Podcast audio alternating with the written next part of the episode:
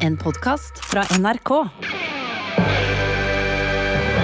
Velkommen til Gal og genial, en vitenskapsserie for det som elsker sære genier. Med meg, Torfinn Borchhus, og min venn Sven Biskår Sunde.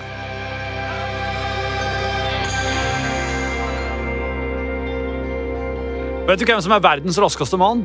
John Paul Stapp. Vet du hvem som er setebeltets sjuende far i huset? John Paul Stapp. Det var han som fant opp Crash Test Dummies og Murphys lov. Nå kjører oss verdens raskeste mann! Just give me the light. Just give me the light.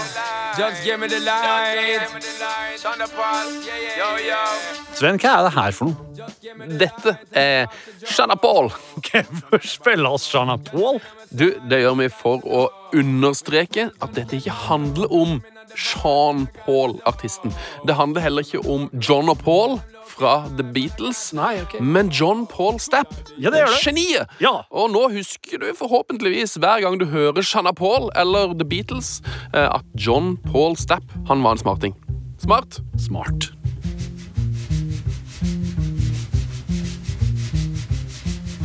John Paul Stapp ble født 50 år før The Beatles og 63 år før Jean Paul Ja. i 1910. Da ble han født. Han ble oppkalt etter familien sine to favorittdisipler. Han ble født mens foreldrene misjonerte i Bahia i Brasil. Brasil. Eh, Og det høres jo deilig ut å vokse opp i Bahia, Brasil. Men det var nødvendigvis ikke så fryktelig deilig. Og i den anledning, Torfinn Borchhus, en quiz. Ja! Hva fikk John Paul Stapp hele tida i Brasil? Og han fikk sikkert mye kos og oppmerksomhet fra foreldrene. Nei, nei, nei, vi skal i andre enden av koseskalaen. Det er smert, vi skal inn i smertens land. Ja, han fikk juling og kald graut. Feil, feil, feil. Han fikk malaria hele tida. Oh. Visstnok han fikk malaria hele tida, skriver han. Eh, noe som gjorde han eh, svært interessert i noe som er veldig bra for oss. da. Han ble nemlig interessert i legeyrket, for han hang jo med lege hele tida når han hadde malaria. Det skjer også noe annet viktig her. Eh, Han detter nemlig ned fra et tre. Hvordan kan det være viktig? Jo, det kan være viktig for at når du treffer bakken, mm, da tenker du å, det var harde G-krefter. Jeps, og tiden i Brasil den var jo helt klart eh, formene for John Paul Stapp. Han var mye alene som misjonærsønn. De bodde ute i jungelen, har jeg nesten forståelse av. Eh, og her ble han veldig glad i bøker. Han lærte seg portugisisk, eh, selv om ikke det var noen fordel. Det var tvert imot en ulempe for John Paul Stapp.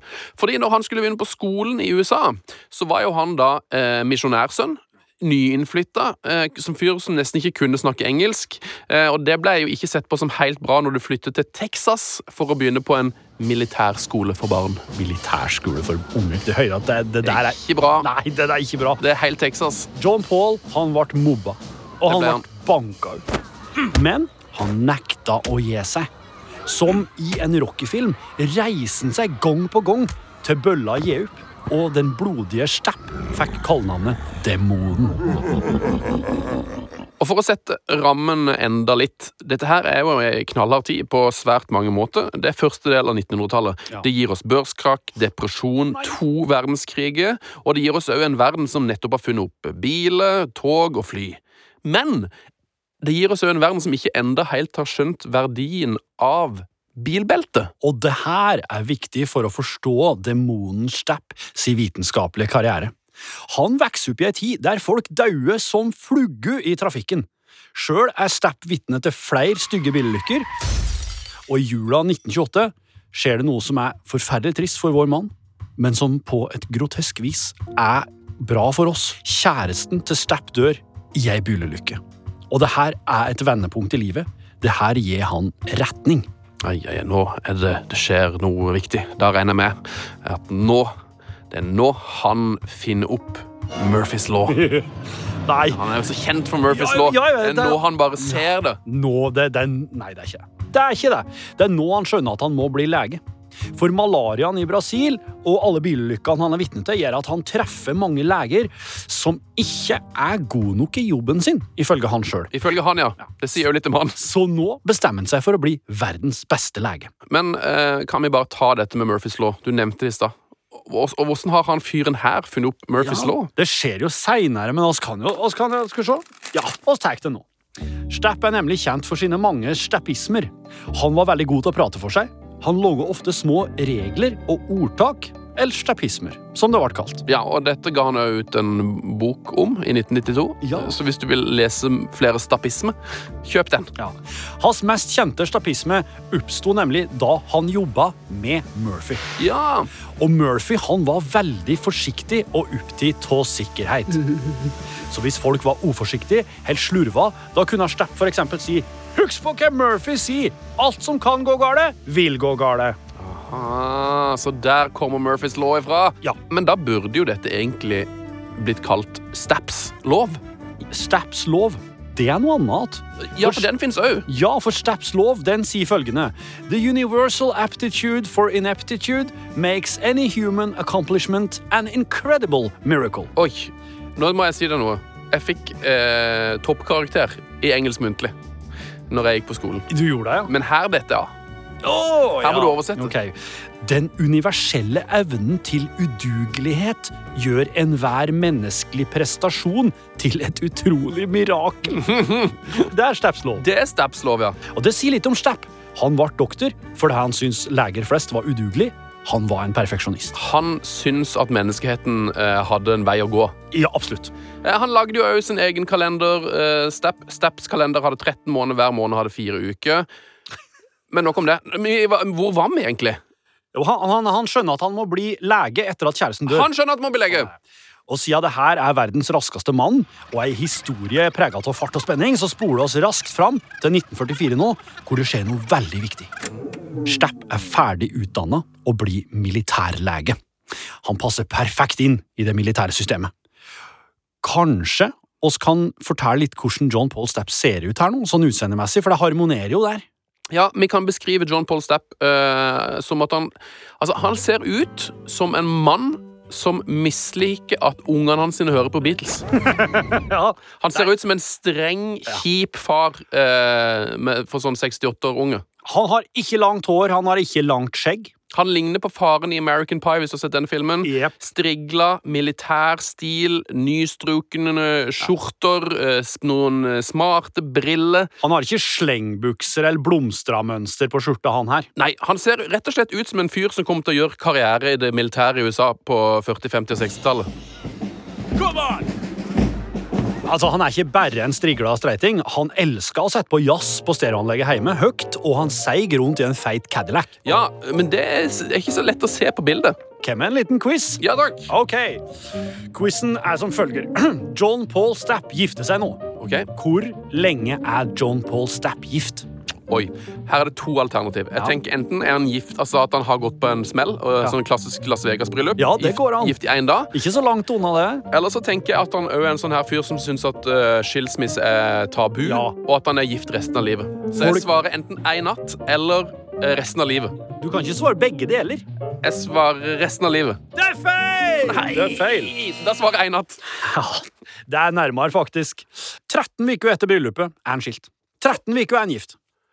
Jøss. Det er tre måneder og ei uke det, i Stapp sin kalender. Det går uh, fort, som jo er passende for han. Oh, yes. Det går fort i hans liv. Han er ingen damenes mann. Eh, og Seinere i livet så skulle Stapp bli invitert til en råflott middag på The Playboy Club i New York. Og Her er det jo en god historie synes jeg, om hans forhold til damer. Ja.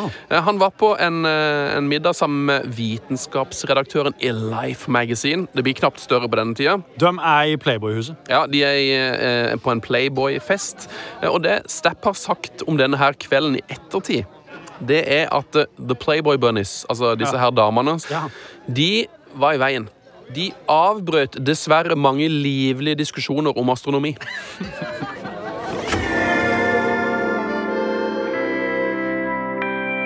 Det passer egentlig bra at John Paul ikke har tid til damer. For han må nemlig være en av historias mest hardtarbeidende og fryktløse forskere. I løpet av sin karriere så er han med på direkte livsfarlige forsøk, som å forske på dykkersyke i 50 minusgrader, fly jagerfly ut av kuppel i 920 km i timen, for å teste hvor sterk vind han kunne overleve. Se for deg å få et insekt i panna når du sitter i et jagerfly uten kuppel. 920 km i timen. Eh, han var òg med på den aller første vektløse flygeturen. Altså, Han var en av dem som fikk kjenne på vektløshet først. Det er meget imponerende. Eh, og det er jo eh, Alt det du sier nå, er ikke det mest imponerende han har gjort heller. Det her er på en måte bare bunnslammet på CV-en. Ja, For i 1947 så skal han virkelig få fart på karrieren.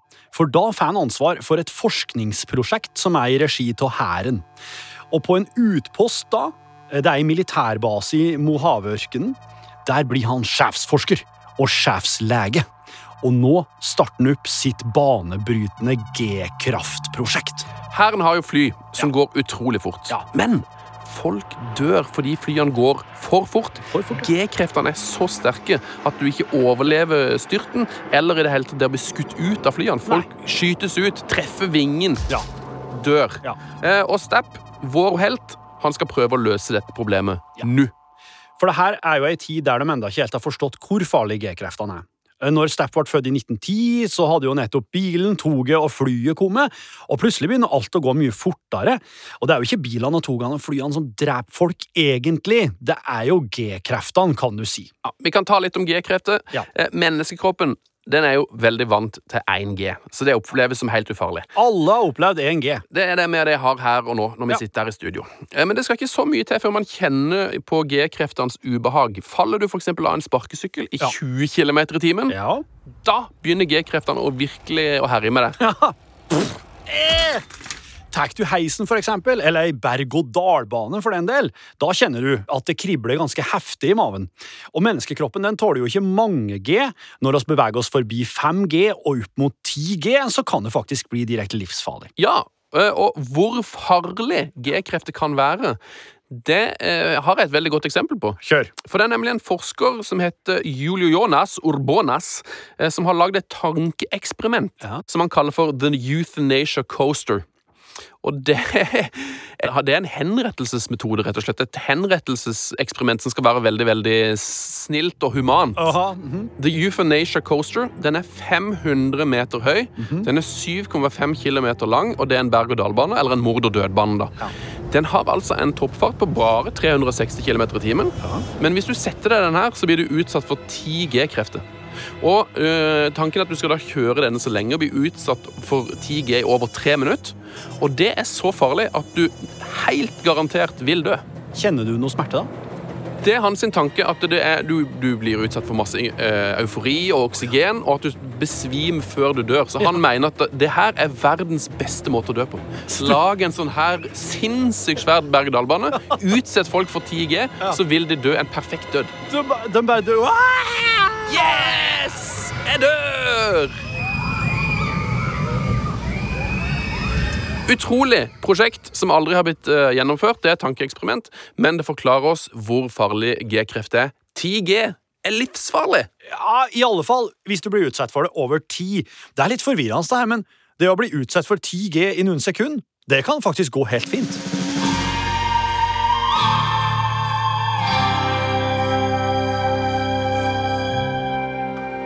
Så På Stapp sin tid så vet de jo at G-krefter kan være farlig, men de vet ikke helt enda hvor farlig G-krefter er. Og det er jo det John Paul skal finne ut av nå. Yes, og Måten han gjør det på, er finurlig. Han er jo på en måte ikke et sånn et eh, tankegeni, han her. Nei. Han er jo bare en hardhaus og en systematisk fyr som finner opp et genialt, eh, en genial forskningsmetode. Han er et praktisk geni, kan han kanskje si. Det kan vi si. Ja. hans sin måte på å forske på G-krefter er veldig smart. Han begynner å kjøre rakettsled i ørkenen i USA. Rakettsled høres ut som en julenisse som har det travelt. Ja! Absolutt. Det han gjør, han lager togbane i ørkenen, Ja. setter på noen raketter med noen, noen rakettmotorer bak på ja. og kjører helt utrolig fort. Han har ikke med seg gaver. Nei da! Han har kun med seg fart. Ja. Eh, Og seg sjøl. Mer om det etterpå. Ja. Det her er altså så drøyt. Det finnes jo heldigvis video av disse forsøkene, og de må du se. Ja. For det går altså så fort, og det forskes så hardt at du nesten ikke vil tro det. The speed of 421 miles an hour attained by Lieutenant Colonel John Stapp. Ja, det går så fort, men det er jo ikke farten de forsker på her nå. Det er nedbremsinga. Hvor brått tåler kroppen vår å stoppe opp fra høy fart? Det er dette som er livsfarlig. Så livsfarlig faktisk at han nå ser seg nødt til å bryte loven. For det han drev med, det var så farlig at han måtte feilrapportere med vilje. Han visste jo at han ikke ville få tillatelse til å teste en sledetur med en nedbremsing på 30 G, så da søkte han bare om 15 G i papirene. Og dette gjorde han konsekvent i en periode. John Paul Stapp sin geniale forskningsmetode var å spenne seg fast på sleden, dundre av gårde fortere og fortere for å se hvor vondt han fikk ved forskjellig hastighet.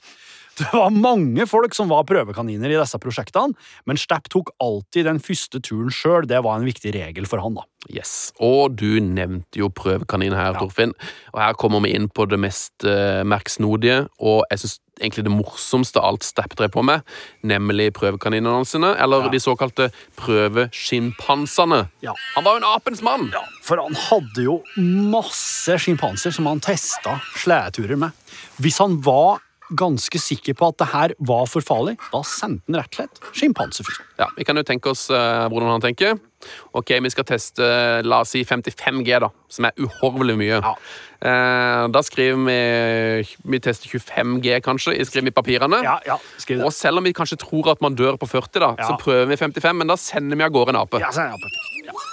Eller eventuelt en republikaner, som det sto i papirene til Stapp. Ja, det er rart. For han var redd for dyrevernere, og altså, han var redd for skandaleoverskrifter i avisene. Derfor holdt de sjimpansene hemmelige og kalte dem for republikanere i stedet for sjimpanser i dokumentene sine. Så i de dokumentene så sto det I dag testa vi 15G på tre republikanere. Det betyr egentlig i dag testa vi 30G på tre apekatter. Yep. Eh, Han hadde jo altså 30 sjimpanser, eh, og disse her eh, Det var ikke noe små dyr. De veide jo opp mot 100 kilo hver. Det her er jo Julius, apen Julius, hvis du som hører på vet hvem det er. Og det er ikke bare bare å ha dette her eh, i bur, og i hvert fall ikke å ha det ute i Mohavørkenen eller ute i ørkenen i USA. Det var, det var en kjempeutfordring. De måtte ha store bur. eh, De måtte jo etter hvert få inn egne dyrepassere. Ja. Det var et helsike med mat. De fant ut oi, vi har for små bur, vi må ha større bur. De måtte jo ah, Vi må vaske de, måtte begynne å legge inn vann. Det ble et sabla styr eh, ute i ørkenen der, og eh, de fikk jo til slutt nesten en egen dyrepark. Den ene sjimpansen til Stapp drakk visstnok òg en god del øl. Den gjorde det, Torfinn. Eh, jeg har lest at han eh, drakk tre øl om dagen. Eh, så det her er jo liksom Det er jo en, en skam at ikke Netflix fantes her på 1940-tallet. For det her er jo sjimpanseversjonen av Netflix-serien Tiger King. Ja, for det er jo dyreplager i det her òg. Han hadde kanskje endt opp i fengsel, slik som Joe Exotic, hvis det hadde blitt oppdaga, men det her er en topp hemmelig militæroperasjon på 40-tallet. Uansett, forskninga blir en suksess. Ja, det er sant. Ja. Eh, Vi, vi kan le av det og si at det var fulle aper sånn der, men det var en gigasuksess. Det var det. Sledeturene til Stapp førte nemlig til masse nyvinninger innenfor trafikksikkerhet. I Norge så sitter jo alle små unger spent fast bak fram i bilen. Det er på grunn av Stapp. Han fant ut at det å sitte feil vei og spent godt fast med et ordentlig belte, gjorde at du tålte mye mer G-krefter. Han fant også opp et helt vilt vannbremsesystem som gjorde at rakettsleden gikk ifra 1000 til 0 km i timen på onde to sekunder. For hvordan stopper du et lite tog som kommer i 1000 km i timen? Jo, ved at skinnegangen ender opp i et vannbad. Genialt. Stapp var jo med å utvikle såkalt crash test dummies. Mhm. Men det er jo mye dukker ikke kan fortelle. Ja. Eh, Så det var jo derfor at han mente at det var jo bedre å bruke levende mennesker i forskninga. Ja. Eh, Og da tenkte han jo særlig på sin favoritt-testperson, seg sjøl. Ka- Kanskje jeg setter på litt Crash Test Dummies nå? Det kan kanskje passe bra, det. Det her er altså de sjølpåførte skadene Stapp fikk mens han forska på seg sjøl. Blåveiser, så klart. Flere brukne ribbein. Du får jo det her på beltet, vet du. Blodårer som sprekk. Håndledd som knekk. Flere håndledd. Ja, fy fader. Hjernerystelser? Ja, ja, ja, det må han ha. Midlertidig blindhet som følge av blodskutte øyne. Og den her er ekkel. Fyllinger som spretter ut av tenn. Så du bare popper rotfyllinger mens du sitter i rakettland. Og, ikke sant, sår over hele kroppen. Ja, Hvis du er litt tander, så kan jeg ikke anbefale som yrke å teste G-krefter eh, i ørkenen i USA. Eh, Kjører du bil akkurat nå, så kan du spenne på deg et belte, og da kan du tenke på John Paul Stapp. Ja. Han var med å finne opp. Eh, Han var til og med i Sverige og møtte Volvo! Tjena, grabben! Tjena, Stapp! Han var òg helt sentral for utviklinga av katapultseter i jagerfly, crash test dummies som nevnt, ja, og reiser du til månen, eller Mars, en gang i framtida, da kan du takke Stepp da òg, for forskninga hans på G-krefter var veldig viktig for NASA og romprogrammet. Ja, man kan si at han eh, sendte folk til eh, månen, hvis man er veldig snill. Fun fact der, eh, Stapp forska jo på månemat. Så det var han som fant ut at eh, for eksempel løk og bønner og sånn, det gir mye luft i magen. Det kan jeg fortalt nå. kan være veldig ubehagelig når du skal skytes opp i rakett. Så Slepp han fant ut at mat som gjør at du ikke må prompe, det er godt for astronaut. Ja. Og morsomt nok så kan man jo da si at astronauter ja, de kan spise seg stappmett. Ja! Forskningsprosjektet var en kjempesuksess, og det gjorde store framskritt for å hjelpe jagerpiloter med å skyte seg ut fra styrtende fly. Men det viktigste de fant ut, det var at mennesker kan overleve mye mer G-krefter enn de først hadde trodd. Den 10. desember 1954, på Hollowman Air Force Base, så skjer det noe. John Paul Stapp han setter av gårde på sin 29. og siste sledetur. I sju år hadde de forska. Med større og større sleder, med mer og mer fart, med villere og villere bremser. Og nå skulle de gjøre det siste og hardeste forsøket. Sleden er rødmåla, himmelen er blå, ørkensanda er brun, og hjelmen er hvit. Og Stepp, han er nervøs. Han har et bitestykke mellom tennene, og han ser at det står en ambulanse klar i andre enden av sletta. Han veit at det her kan skade den stygt. Så sikker er han på å skade seg at i ukene før dette her siste forsøket, så har han gjort noe rart. Han har dusja i mørket. Han har kledd på seg sjøl og lagd mat med øynene lukka. Han har gjort dette for å øve seg på å leve som blind. Og nå skjer det. Nå setter han verdensrekord. Og det går fort. Det går altså så usannsynlig fort. Fem, fire, tre. Han trykker rekord på kameraet om bord i sleden. Og der fyrer ni raketter opp samtidig. Flammene står ti meter bakover. G-kreftene presser bakover i setet. Og fem sekunder seinere er han framme. Han har kjørt i 1017 km i timen og bremsa opp igjen på 1,4 sekunder. Hadde du skutt ei pistolkule etter så hadde han ikke klart å ta han igjen. Han var raskere enn ei kule. Si det en gang til. Hadde du skutt etter han, Ja, så hadde han kjørt ifra deg. så han kjørte fra kula. Herregud. Det her må være vitenskapshistoriens eh, mest spektakulære forsøk. Det ble dokumentert av et jagerfly som fløy over og filma. Dette jagerflyet gikk i lydens hastighet.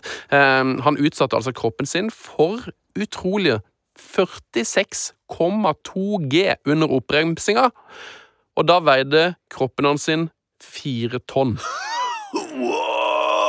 Det er ei voldsom påkjenning for demonen. Men har han tålt det? Har han overlevd?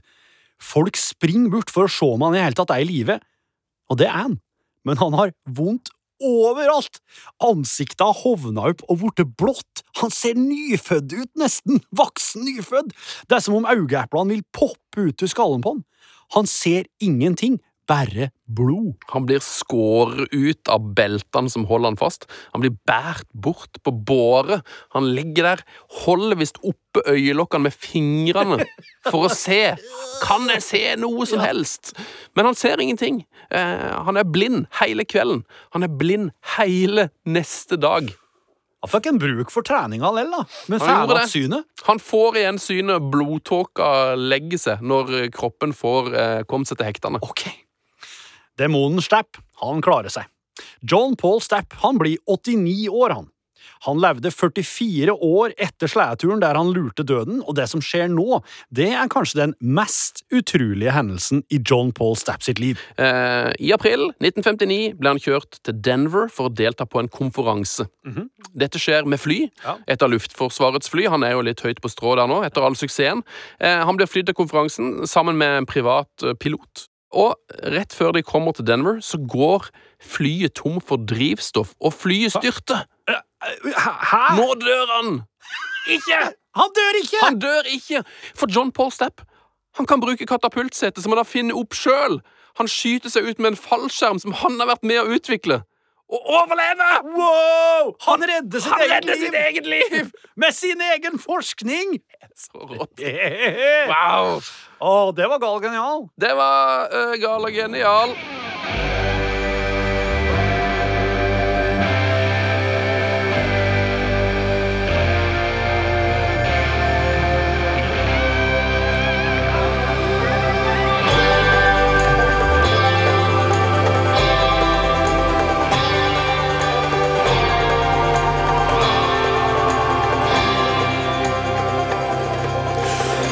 Denne podkasten er laget av Sven og Torfinn Erlend Lånke Solbu, kjenningsmelodi av Stian Karstensen, lyddesigner av Ingebjørg Hagerup og redaktør Eline Line Gevelte Andersen. Ny episode neste tirsdag. Vær bekomme. Ja, og forresten, Ragnhild er en av med man skriver manus, og det hun jobber med kongerekka, den burde du høre på. Du har hørt en podkast fra NRK. De nyeste episodene hører du først i appen NRK Radio.